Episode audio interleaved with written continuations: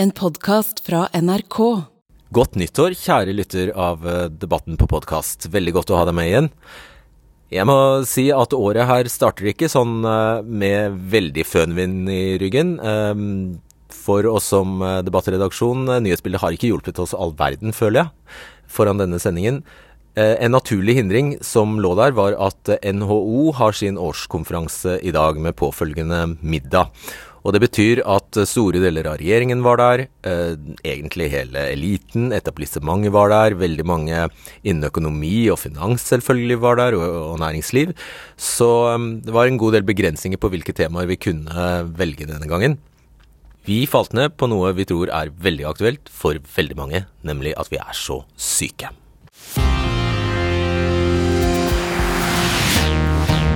Godt nytt år. Er ringen sluttet nå? Ga Kina verden oss koronaviruset? Hermetiserte seg selv i tre år?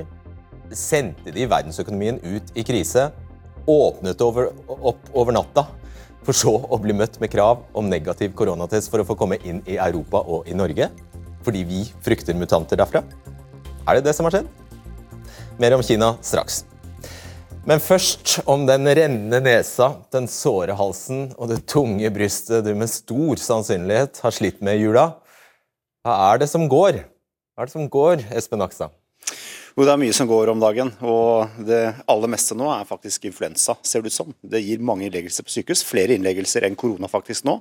Nå ser vi en utflating av korona, når vi ser mer influensa. Men så er det andre ting også. Det er RS-virus, og det er mye andre virus som sprer seg skal få opp en uh, liste her med utvalgte godsaker som uh, vi har fått bekreftet er noe av det mest dominerende akkurat nå. Norovirus står det her. Rinovirus. Mm. Jeg klarer ikke å uttale engang. Adenovirus. Ja. Koronaviruset, det kjenner vi til. Mm. Også influensaviruset, som du sa. Og RS-virus. Kan ikke du raskt bare forklare oss forskjellen her? Ja, Første viruset gir diaré, altså og oppkast. Det er et omgangssykevirus oppkalt etter byen Norwalk i USA, i Ohio, hvor det ble påvist i 1969 første gang. De to neste det er forkjølelsesvirus. Eh, rinovirus er litt vanligere enn adenovirus. Og så kommer koronaviruset, som jo finnes i ulike varianter, eh, men som vi alle er blitt godt kjent med. Og så er det influensaen, og det er egentlig litt forskjellige typer influensavirus. Eh, de som rammer mennesker, finnes i litt ulike kategorier. Det er en som dominerer i Norge nå, en i USA og litt andre. Og så har vi RS-virus, som egentlig er et forkjølelsesvirus for voksne, men som hos små barn kan gi dypere lungeinfeksjon og tette veldig til i bronkene. Så små barn, særlig under to år, kan bli ganske dårlige av RS-virus. Mm. Eh, Trygve Ottersen, du er områdedirektør for smittevern i FHI. Er det noen av eh, disse som eh, det er ingen av disse som handler om bakterier, dessverre, antagelig. Det er eh, virus eh, som er eh, veldig viktig nå når det gjelder luftveisinfeksjoner, og særlig de tre nederste. Ja, og når jeg spør om det med bakterier, så kan jeg jo bare for egen regning si at Og jeg tror jeg har mange med meg her. Vi gikk av gårde i håp til legen om at det kanskje var noe bakterielt, sånn at vi kunne få penicillin, sånn at vi kunne få antibiotika. Men det er altså Hva er resepten mot dette her, da? Eh, resepten mot dette er først og fremst å holde seg hjemme, sånn at man ikke smitter andre. Eh, og så er det jo å begrense risikoen for å bli syk ved å ta vaksine. Eh, og ellers så finnes Ja, hvilken vaksine, da? Det viktige er jo å ta oppfriskningsdose for korona for de som har fått det anbefalt, og å ta influensavaksine for de som har fått det anbefalt. Og veldig ofte er det de samme gruppene. Ja. Jeg tror, eh, fordi Mitt inntrykk er at eh, halve, kanskje mer enn det, halve Norge nå eh, har ligget flatt, eller, eller gjør det. Vi har sett i rapporten som dere la fram i dag, ukesrapporten, og prøvd å finne noe som underbygger det jeg nettopp sa, at vi er veldig syke. Og vi fant en, et parameter som for så vidt er, kan, kan synliggjøre det noe. Det er nye innleggelser på sykehus med luftveisinfeksjon. Jeg vet det er mange streker her. Så det viktige er egentlig den grønne linjen her. Det er eh, året i fjor, altså 2022. Og denne grafen, midten her, er nyttår. Og så er det da Det er egentlig et skoleår. Så starten til venstre her, det er midtsommer, og det samme er høyre, eh, eh, der den avslutter. Så det er den grønne, altså. Og de andre er bare øvrige år. Vi har tatt med noen år for å vise hva, at dette er ganske spesielt, det som har skjedd nå. Hva er det vi ser? Det vi ser, er eh, nye innleggelser på sykehus med luftveisinfeksjon, sånn som det står, per uke. Eh, og Den grønne grafen viser jo årets utvikling. Og Der er det særlig to ting å merke seg. ikke sant? Det ene er jo at eh, nivået er veldig høyt. Det er det høyeste vi har eh, sett da, med, siden vi, eh, 2017. Eh, og så ser vi også at det øker fortsatt, iallfall fram til der vi har disse tallene. Det viktige med denne grafen er jo at den eh, ser på luftveisinfeksjoner samlet. Sånn at de virusene du nevnte, de som blir innlagt pga. de, men også enkelte av bakteriene, alle de innleggelsene knyttet til luftveisinfeksjon fanges inn av denne grafen, og dermed eh, en viktig del av belastningen på helsetjenesten. Mm. Og Dette er sikkert tall du kjenner igjen, Nakstad. Hvor høyt kan den grønne, grønne linjen her komme? Det vet vi jo ikke ennå, fordi den inneholder som Trygve sier, flere luftveisinfeksjoner samlet sett. Men i de 2300 innleggelsene omtrent per uke, da, som var målt før nyttårsaften, faktisk, det, det du ser der, Eh, så er det jo 800 med influensa, 700 med covid-19 og en 300 med RS-virus. Og så er det en del andre virus, og så er det noen bakterielle infeksjoner. Eh, som jo behandles med antibiotika, som du var inne på. Eh, så, så, det er ganske mye det, og det, det, stiger ganske bratt. og Vi har jo en avdeling i Helsedirektoratet i Trondheim som sitter og får inn alle disse tallene og lager disse grafene og, og tilgjengeliggjør det. Og, og det er som Trygve sier, det, Siden 2017 har man ikke sett høyere nivåer. Eh, og dette merkes jo på sykehusene selvsagt, i hele landet. Forskjellen fra tidligere pandemien er at nå er det ganske jevnt spredt. Det er smitte over hele landet. Mens tidligere i pandemien så var det veldig mye mer på Østlandet, og særlig Oslo-området, i forhold til andre deler av landet. Okay. Hvorfor skjer det? Det skjer eh, av flere årsaker. Vi har en, en kraftig influensasesong nå. Det skyldes nok dels at vi har fått virusvarianter til Europa som gjør folk sykere. Det er jo litt forskjell på influensa fra år til år. Dels er det et par år siden vi var borti influensa sist. Dels har ikke vaksinene truffet helt blink når det gjelder beskyttelse. Og dels er det færre som har tatt influensavaksine enn i fjor. Alle de tingene bidrar til at vi nå har en kraftig influensastigning, og den har kommet tidlig, kanskje pga. kaldt vær, og fordi vi har vært veldig sosiale i høst også, tror jeg.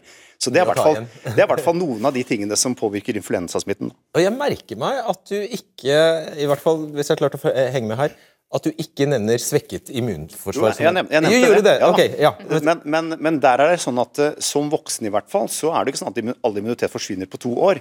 Eh, og Det er veldig avhengig av hvilken virusvariant som kommer. Det finnes mange som jeg nevnte, ulike influensavarianter. Men det bidrar også at vi ikke har hatt influensa i verden egentlig på to år. Men det er også en del andre faktorer samlet sett som gjør at det blir mye. Det er i hvert fall et omkved, Gunnveig Grødland, eh, seniorforsker ved Institutt for klinisk medisin ved både UiO og OUS jeg, det er et omkved jeg i hvert fall har fått med meg, at uh, det, det, det, vi opplever nå, skyldes at vi har helt skrapa immunforsvar. Ja, uh, og det er en sannhet med en del modifikasjoner. Uh, hvis du ser på befolkningsnivå, så ser man absolutt at det har vært lite influensa som har sirkulert de siste årene, og som på befolkningsnivå kan gjøre befolkningen mer utsatt for sykdom. Eh, denne gangen. Men hvis du ser på individnivå, som òg Nakstad sa, det er ikke sånn at immunsystemet forsvinner på et par år hos friske voksne. Sånn at på individnivå så forklarer ikke det eh, denne sykdommen som vi ser. Så det er et sånn lite paradoks, egentlig. Mm, ja, det er det jo egentlig. Og for de som har opplevd å nå gå i ukevis med sånn klump nedi her som de aldri får, får opp, det skyldes da bare at viruset er ekstra ondsinnet, da, eller hva? Jeg vil ikke si at det er ondsinnet, men det er en litt mer forskjellig fra de variantene som vi har møtt tidligere.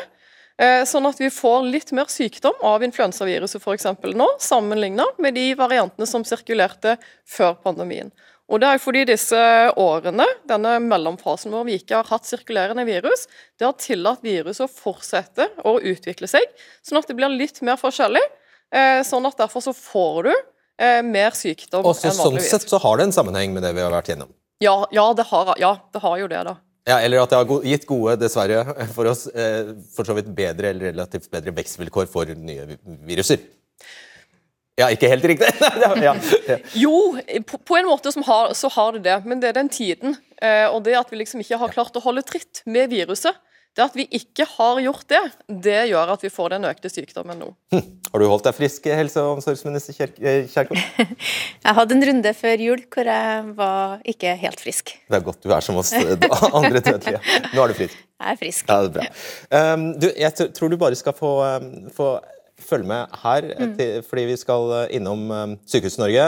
Det er jo her de virkelig merker smitteøkningen. Og i Skien oppfordrer nå Sykehuset Telemark folk på det sterkeste om ikke å besøke sykehuset. Frank Wold, du er klinikksjef ved akutt- og beredskapsklinikken der. Hvorfor gjør dere det? Nei, Det er vel eh, nesten å betrakte som et smitteverntiltak. Eh, og Når man ser den grønne kurven her, så tror jeg det er et eh, tiltak som vi veldig godt kan stå inne for. Det er ikke sånn at vi, vi, har vært veldig tydelige på at de som har pasienter som er kritisk syke og døende, de skal absolutt få lov å besøke sine kjære og nære. Men vi mener at det er et poeng å beskytte både andre pasienter, beskytte pårørende sjøl og beskytte våre ansatte mot så mye smitte som overhodet mulig. Så det er rett og slett et forsøk i et overfylt sykehus på å unngå ytterligere smittespredning. Ok, Jeg skjønner. Du, jeg skal bare beklage overfor seerne at det er litt dårlig Det er dumt for deg også, for så vidt, men det er litt dårlig billedkvalitet på deg, så du får be om mer penger til fiber neste år, tror jeg. Men du, hvor ille er situasjonen? Er Ligger folk i korridorene? Hvor, hvordan er situasjonen der? Ja, det gjør de åpenbart. og Situasjonen hos oss har vært at vi har hatt til tider bortimot 20% overbelegg. Akkurat i øyeblikket har vi en 20 eh, pasienter som eh, er på huset uten at de har en normert plass. Og vi har et overfylt akuttmottak og vi har en full intensivavdeling. Men vi håndterer det, og vi har også opprettet noen nye senger. Sånn at vi, vi skal klare dette her også, men, men det er klart det er krevende dager akkurat nå. Og hva er det de har, de som kommer inn? Nei, Det er jo som det beskrives her, det er i betydelig grad luftveissymptomer. Og det er eh, mange eldre pasienter med sammensatt Ja, ikke sant? Det var en virkelig dårlig linje. Det var skrøpelighet i utgangspunktet, og så Hallo? Ja, vi hører for så vidt deg. Bare fortsett. Ja, jeg ser at det er, eh, det er, en stor grad av skrøpelighet blant mange av de som kommer inn, og de er eh, virkelig syke. Og så har vi også en eh, litt uvanlig situasjon ved at det er et uh, innslag av RS-virus som det nevnes her, som slår ut på barn. Så vi har også en overfylt barneavdeling for øyeblikket. Jeg skjønner. Vi prøver oss på et siste eh, spørsmål. I denne rapporten til FHI så står det at bare 37% av helsepersonellet i landet har tatt influensavaksinen. Har du bedt dine ansatte om å vaksinere seg i stedet da, for at dere nekter sykebesøk? Ja, det har vi selvfølgelig. Og den prosenten kjenner ikke vi oss igjen i. Jeg tror vi ligger på noe sånn 73-74% på våre ansatte i Sykehuset Telemark. Og Det er rett og slett fordi vi har lagt veldig vekt på det gjennom flere år, at eh, det å vaksinere seg er en viktig faktor når man er helsepersonell og, og er i befatning med syke, syke pasienter. Mm. Eh, kjempefint. Dere er flinke. Takk skal du ha, eh, Frank Wold. Du får gå tilbake til pasientene dine. Ja, Ingvild Kjerkol, blir du bekymret når du hører dette? Vi mener at vi har planlagt godt. Disse dyktige fagfolkene som har snakka innledningsvis, har jo gitt oss råd og anbefalinger, og helt fra i fjor så har vi jo forberedt oss på at det kunne bli en veldig tøff vintersesong med flere epidemier samtidig. Og det er klart Hvis de kommer samtidig, så blir det en veldig tøff belastning. Kommer de etter hverandre, så kan det bli en veldig lang belastning. Og Det er jo òg bakgrunnen for at eh, sykehusene iverksetter sine beredskapsplaner. Det at noen sykehus blir i grønn kategori og i gul kategori, det skal ikke folk bli engstelige for. Det viser at man eh, iverksetter de tiltakene man har planlagt for, eh, og setter pasientene sine behov i, i førersetet. Og så er det selvsagt en utfordring at også mange som skal jobbe i helsetjenesten vår, er syke. Ja, ikke sant. Ja. Eh, du leser jo også aviser, og kanskje ja. fått med deg at Rogalands avis Rogalands av, nå, jeg, nå, ble jeg usikker på om det heter Rogalandsavis eller Rogalandsavisen. Ja. Dere får Rogalandsavisen eh, nylig eh, rapporterte at Stavanger universitetssykehus der bruker de engangsbriller for fyrverkeri fordi de, har, eh, fordi, fordi de har for mange pasienter rett og slett, som må ligge på, på gangen. Apropos det du nettopp sa om beredskap, vitner det om god beredskap? Uh, Hvis du ikke kjenner eksempelet, så, det, så skal du få snakke om noe da, mer generelt. Det, det, vil alltid kunne være noen enkelteksempler som kan gi et, et, litt dårlig inntrykk, men jevnt over så vil jeg si at sykehusene våre eh, er godt forberedt på denne tøffe vintersesongen vi står i. Vi har også en eh, sterkere intensivberedskap, fordi vi har utdanna flere til å håndtere de pasientene. Eh, og eh, sykehusene har planlagt for å kunne skalere opp og iverksette de ulike tiltakene som, som gir mening. og De er litt forskjellige fra sykehus til sykehus. Eh, men jeg syns det er betryggende å høre lederen her fra Telemark, som beskriver at det her skal vi klare. Uh vi husker alle at hovedårsaken til at vi alle måtte trå til med tiltak, eh, det var jo nettopp de mest eh, sårbare og kapasiteten på sykehusene. Er du eh, bekymret når du hører dette her, og kan det bli aktuelt for dere å tilrå nye tiltak? Du kan si at Det er en veldig utfordrende situasjon nå som blir beskrevet, som alle tar på alvor. og Sykehusene jobber veldig intenst med å løse det, og det lykkes de også med. Du kan si Det er to gunstige faktorer nå. Det ene er som jeg nevnte, at smitten er i hele landet, ikke bare i en region. Eh, og så er det det at det er en mye lavere andel som trenger intensivbehandling nå enn tidligere, både med covid-19 og influensa. Under 5 ut fra de siste tallene. Det som er utfordrende for sykehusene, det er at de påvirkes av hva som skjer før du kommer inn på sykehus, og etterpå. Og det vi ser nå, det er at det er stor pågang på legevakter og oss fastleger. Det gjør at hvis det blir kø der, så ringer man 113, så der er det også stor pågang. Og i akuttmottakene fylles det opp sånn som vi hørte her. Og Det forplanter seg videre inn i sykehuset. og Fordi mange av disse pasientene trenger isolasjon, så, så blir det også rusk i maskineriet inne på sykehuset. Alt går treigere. Og når de er ferdig behandlet og skal ut, så er det også ganske fullt på helsehus og sykehjem, som også blir en flaskehals. Og Det gjør at hele maskineriet går saktere og blir mer krevende eh, i de verste ukene vi er inne i nå.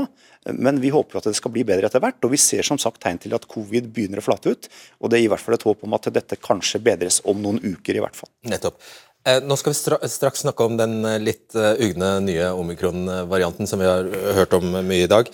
Men før, før det, med det at vaksinen, influensavaksinen altså, ser ut til å ha truffet ganske dårlig, hva er hovedårsaken til det? Det er rett og slett det at de influensavaksinene som vi bruker nå, de krever en ganske lang produksjonstid. Sånn at du må drive og gjette over et halvt år i forveien hvilken variant som kommer til å sirkulere i befolkningen. Det er en kvalifisert gjetning basert på en haug med data, men likevel så er det en gjetning. Eh, og dette året så har man bomma litt, rett og slett. Sånn er det noen for... som har hatt effekt av den? Ja, eh, det har det. fordi det er òg viktig. Når man sier influensavaksinen ikke har hatt så stor effekt i år, så er det én av virusene i vaksinen man har bomma litt på. Dessverre så er det det som dominerer sirkulasjonen i Norge. Sånn at vi ser veldig godt at uh, man bommer litt der. Men det er fortsatt veldig viktig å ta influensavaksinen. fordi i den vaksinen så er det tre andre influensavirus òg. Uh, og det er mange, spesielt i risikogruppene, som blir alvorlig syke òg av disse virusene. Og det kan være de kommer senere. Så det er fortsatt viktig for risikogruppene å ta influensavaksinen. For tre av fire virus treffer, og så er vi litt uheldige med spredningen av det fjerde. er det en norsk miks, eller er det en europeisk miks? det er en eh, nordlige halvkulemiks, men så er det litt forskjellige varianter som sirkulerer i litt forskjellige land. Så, ja. Nå, vi, nå, nå, vil jeg spørre deg om dette. Den heter XBB141, hvis jeg har skjønt det rett. Altså, eh, og gitt et økenavn som er Kraken, som jeg skjønner dere ikke i FHI ikke liker noe særlig. Men kan du bare kort forklare hva det er? Det er rett og slett en uh, ny variant av omikron, av undergruppen BA5 av omikron. Så det er egentlig bare enda flere mutasjoner som har oppstått, uh, og som har gitt uh, opphav til en ny variant. Det kommer til å komme et hav av nye varianter de neste årene. sånn at jeg vil bare framheve at det at det kommer en ny variant, det er helt forventet og helt udramatisk. Og denne varianten har egentlig ikke endret egenskaper sammenlignet med de tidligere omikron-variantene. Mye mer smittsomme har jeg lest, da. Han er selvsagt mer smittsom fordi han tar over. Det er hele tiden sånn at nye varianter kommer, og når de dominerer, så er det fordi de er mer smittsomme. Men de skaper ikke egentlig mer sykdom utover å være mer smittsomme. Sånn at uh, vi kommer til å få nye varianter hvert eneste år de neste 100 årene. hvis, dere kan, hvis, eh, hvis, dere greier å bomme, bomme på influensavaksinen, hvorfor skal vi stole på at, at eh, covid-vaksinen tar eh, de nye, mye verre variantene enn denne kraken? Det er et spørsmål jeg er svært glad for. og Det er rett og slett fordi influensavaksinene de er basert på drept virus eh, som høres ganske fint ut, fordi du da kan danne immunresponser mot alle biter på viruset. I praksis så skjer det ikke. Eh, så de vaksinene mot influensa er veldig eh, spesifikke for akkurat den typen eh, virus som er i vaksinen, mens det samme ikke er tilfellet for mRNA-vaksinene mot SARS-CoV-2. Eh, de er faktisk såpass gode at de i tillegg til disse spesifikke antistoffene mot en bestemt virustype, danner T-celleresponser. Og de T-celleresponsene er grunnen til at vaksinene, mRNA-vaksinene fortsatt fungerer strålende mot alvorlig sykdom kun, men òg mot omikron-variantene. De gir rett og slett en bedre og bredere beskyttelse som utgangspunkt pga. vaksinetypen. Skal vi ta den fjerde dosen? Eh, det er et tilbud som eh, de som eh, ikke er i risikogruppe eller over 65, de har fått en anbefaling.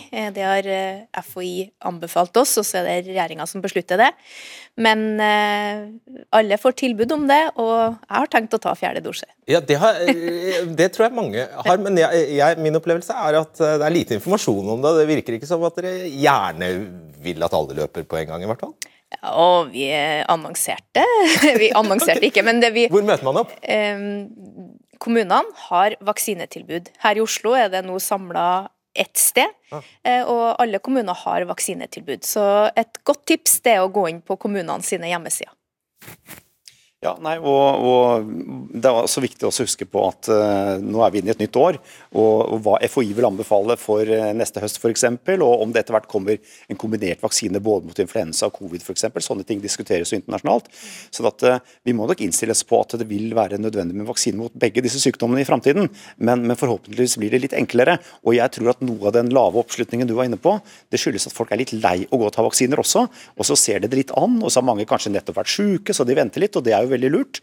Eh, og så har oppslutningen blitt lavere da nå enn den var tidligere. Eh, hva, hva sa du at det er håp om å finne eller at dere skal... Ja, Produsentene skal... diskuterer om man kan nå gi ett stikk med en vaksine som både beskytter deg mot influensa og covid-19 f.eks. Hvor langt unna er det, da? Nei, Det er kanskje ett år eller noe sånt unna. Det vet Gunnar kanskje mer. Og, og, det kan være at du må ta to stikk, men i hvert fall så blir det kanskje en høstseanse med vaksine. Det er spennende, skråstrek skremmende, eller jeg vet ikke.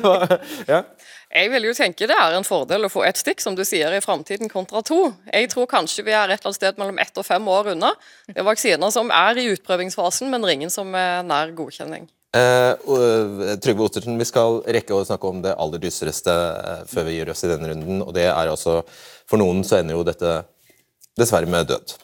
Uh, og det var jo sånn, Vi skal få opp en ny graf. Det er jo sånn at her igjen tror jeg jeg må starte med å forklare litt. Altså Disse striplede linjene her, eh, de er årsskifter. Så det vi ser her, er årsskiftet, den striplede linjen til høyre, det er årsskiftet 2021-2022. Altså, og den økningen vi ser i de blå strekene eh, og i de røde strekene, altså, skjer altså rett før nyttår, altså i jula, ca. rundt juletider. 2021 eh, blir det. Men så åpner Norge opp i februar-mars, og hva skjer da? Det vi ser her, er at eh, antall eh, dødsfall knyttet til covid per uke eh, øker jo ganske betydelig etter man fjerner de fleste inngripende tiltakene, eller egentlig alle, 12.2 i, i år. Eller i fjor blir det nå. Det som er viktig, er jo at den figuren her viser ikke hvor mange som ble smittet samtidig. Så det som skjedde, var jo at veldig mange ble smittet, og så var det mye mindre alvorlig å få, bli smittet eh, for hver enkelt. Så selv om eh, antall døde gikk opp, så eh, var det en situasjon som var mindre alvorlig eh, for den norske befolkning. Da. Og dette vet jeg dere tilskriver vaksinen? Eh, det skyldes vaksinen, men også at vi hadde fått en variant ved, rett før jul, ikke sant, omikron, som i seg selv også er mindre alvorlig enn de variantene som vi hadde hatt før. Noen vil kunne tolke denne grafen som at ja, se der har vi det. Man bare utsatte død. For i det, i det vi åpner opp, ja selvfølgelig, da vil de samme menneskene som vi andre har eh, hatt tiltak for at de ikke skulle eh, dø, de dør. Og Det eh, du, er en vanskelig tolkning, fordi at eh, vi vet eh, den Figuren viser jo ikke hva som hadde skjedd de to årene før man, før man her slapp opp på tiltakene. Og Det var jo to ting som var veldig forskjellige de årene sammenlignet med 2022. Eh, det ene var jo at det var andre varianter av korona som var mer alvorlige. Og så var jo befolkningen mye dårligere vaksinert.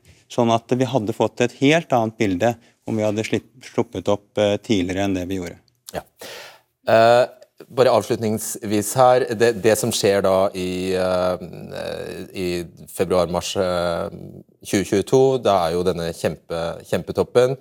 Eh, og hvis det viser Og det, da fikk Norge overdødelighet. Vi hadde altså hatt underdødelighet. Det døde færre enn normalt fram til da. Nå plutselig så døde det flere enn normalt. La oss si at den svenske kurven viser seg å være helt annerledes. Hva tenker, vil FHI tenke da? Ja, vi, det viktige er jo at eh, overdødeligheten begynte jo i slutten av eh, 2021. Og så har det vært en generell overdødelighet for, for 2022 sammenlignet med de årene som var før eh, pandemien.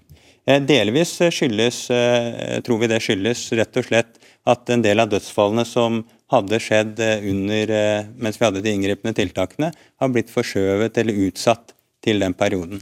Den andre mulige grunnen for en del av disse dødsfallene, siden mange av de Eh, skyldtes, Mye av overdødeligheten skyldtes jo eh, korona i 2022, er rett og slett at vi har fått en, eh, nytt virus her i, i, verden sammen med alle de andre. Som legger seg på toppen, eller kommer i tillegg til alt det andre vi har? Selv om de samvirker, så legger det seg på toppen. Sånn at det er altfor tidlig å si noe om hvordan dette vil utvikle seg videre. Og det er en av grunnene til at vi nå har eh, forsterka hvordan vi eh, følger med eh, nettopp overdødelighet. Skjønner. Og det er dermed også for tidlig, mener FHI, å konstatere at tiltakene var på sin plass? Det er altfor tidlig å si at eh, tiltakene eh, gjør at vi bare utsatte dødelighet. Eh, vi tror absolutt ikke det. Hjertelig takk skal du ha. Tusen takk. I Kina sier helsemyndighetene nå at 800 millioner mennesker, kanskje så mye som 60% av befolkningen, kan få korona i løpet av de neste månedene. Men det går superraskt i Kina nå. Du husker da vi alle var så ja, vi var besatt av dette R-tallet, altså reproduksjonstallet, og at det måtte under 1, husker du det? Vel, FHI tror at R-tallet i Norge maksimalt nådde 1,4 under pandemien i Norge. Kinesiske forskere anslår nå at R-tallet der er 16. Så hvordan påvirkes resten av verden av denne smitteeksplosjonen i Kina?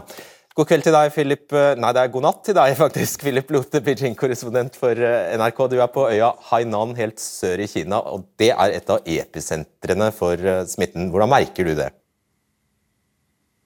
Her i romjulen var smitten fem ganger så høy som den var i eh, midten av desember. og Det er fordi at eh, til denne subtropiske øya så reiser det kinesere fra hele Kina. Eh, og det har de gjort enda mer etter at Kina fjernet eh, restriksjonene. Her kan vi høre folk hoste. Vi snakker med ansatte på store hotell og bedrifter som sier de har fått beskjed om å komme på jobb selv om de er syke, så lenge de ikke har sterke symptomer. Eh, så det er helt tydelig at smitten er eh, sterk. Og fra sykehus i Beijing og Shanghai så hører vi leger med 30 års erfaring fortelle at kapasiteten aldri har vært så sprengt i løpet av de, alle de årene de jobbet. Og det sier de på statlig fjernsyn, i statskontrollerte medier. Helt ærlig, så det er jo klart eh, indikasjon på hvor sterk smitten er i Kina akkurat nå. Ja, og Med så enormt mange millioner mennesker som kommer til å bli smittet, så vil det også selvfølgelig føre til mye død. Hva er det som likevel gjorde at myndighetene ga etter for de kraftige protestene som, som, som oppsto?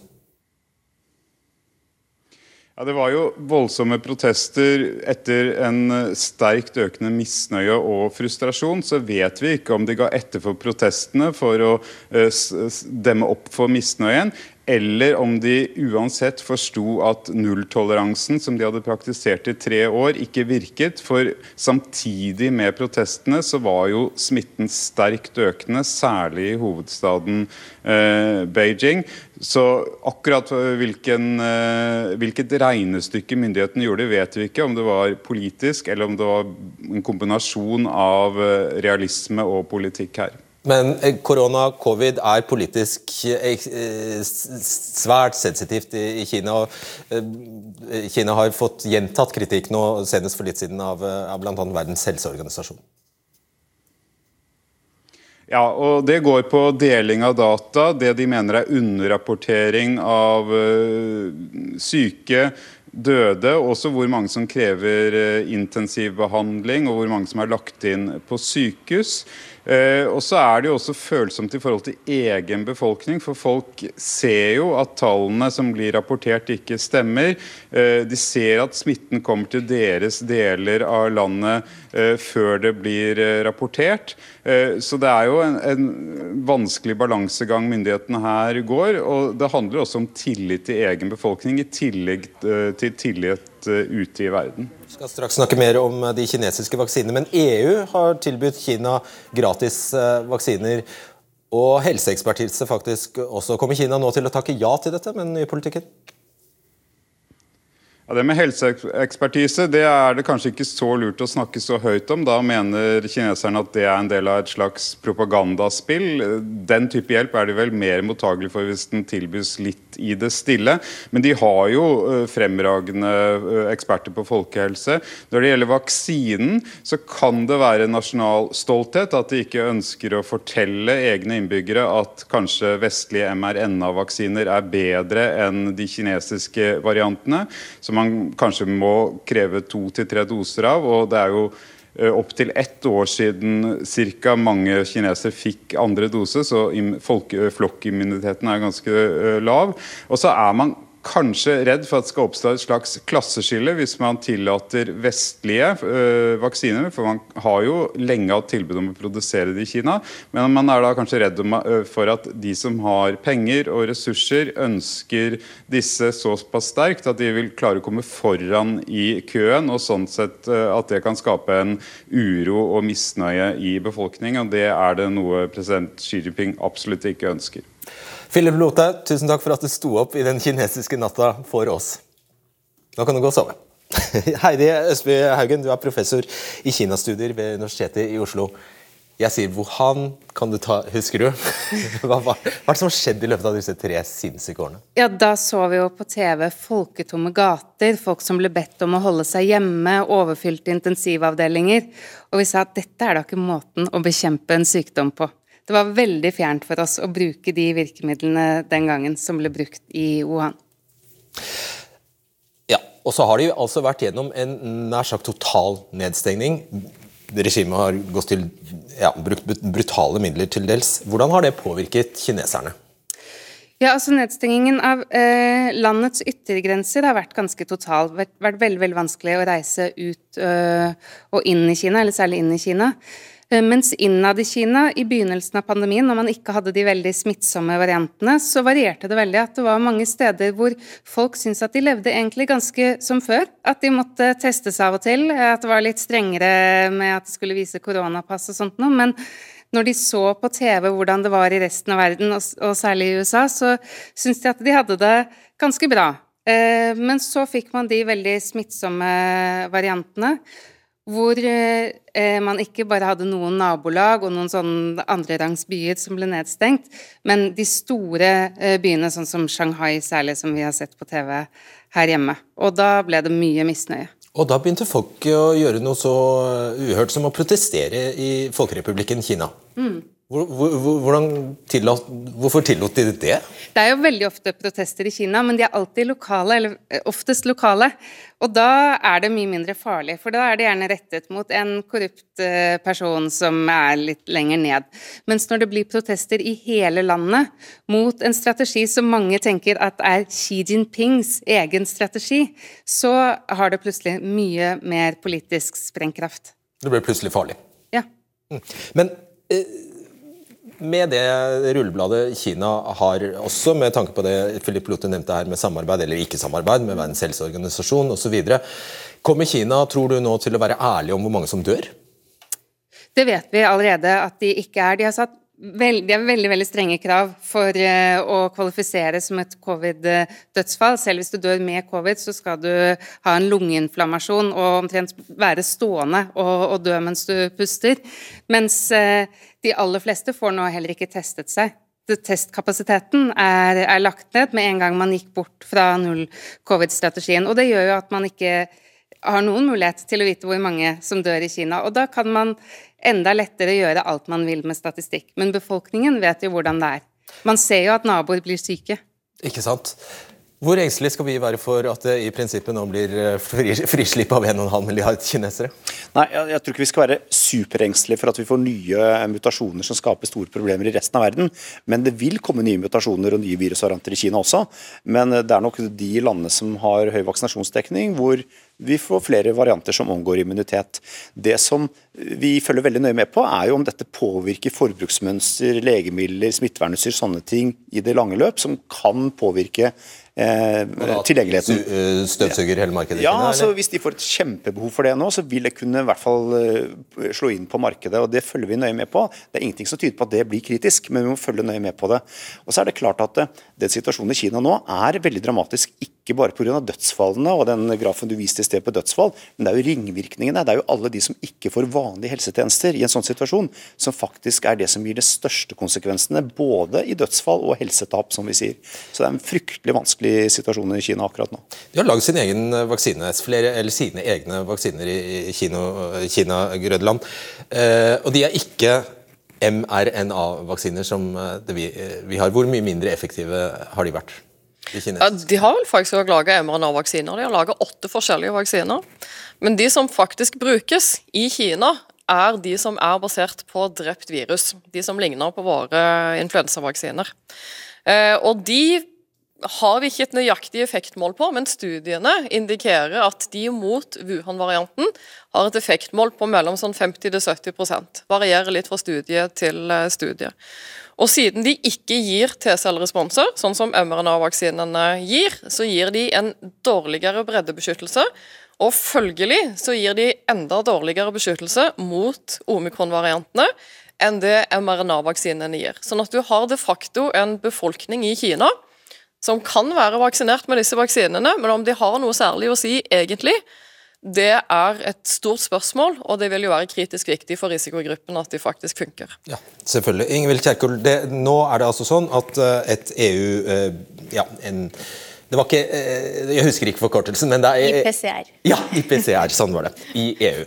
Altså har anbefalt at alle EU-landene innfører restriksjoner overfor kinesere, og deriblant tvangstest, eller at de må ha testet seg og faktisk ha negativ koronatest før de ankommer Europa.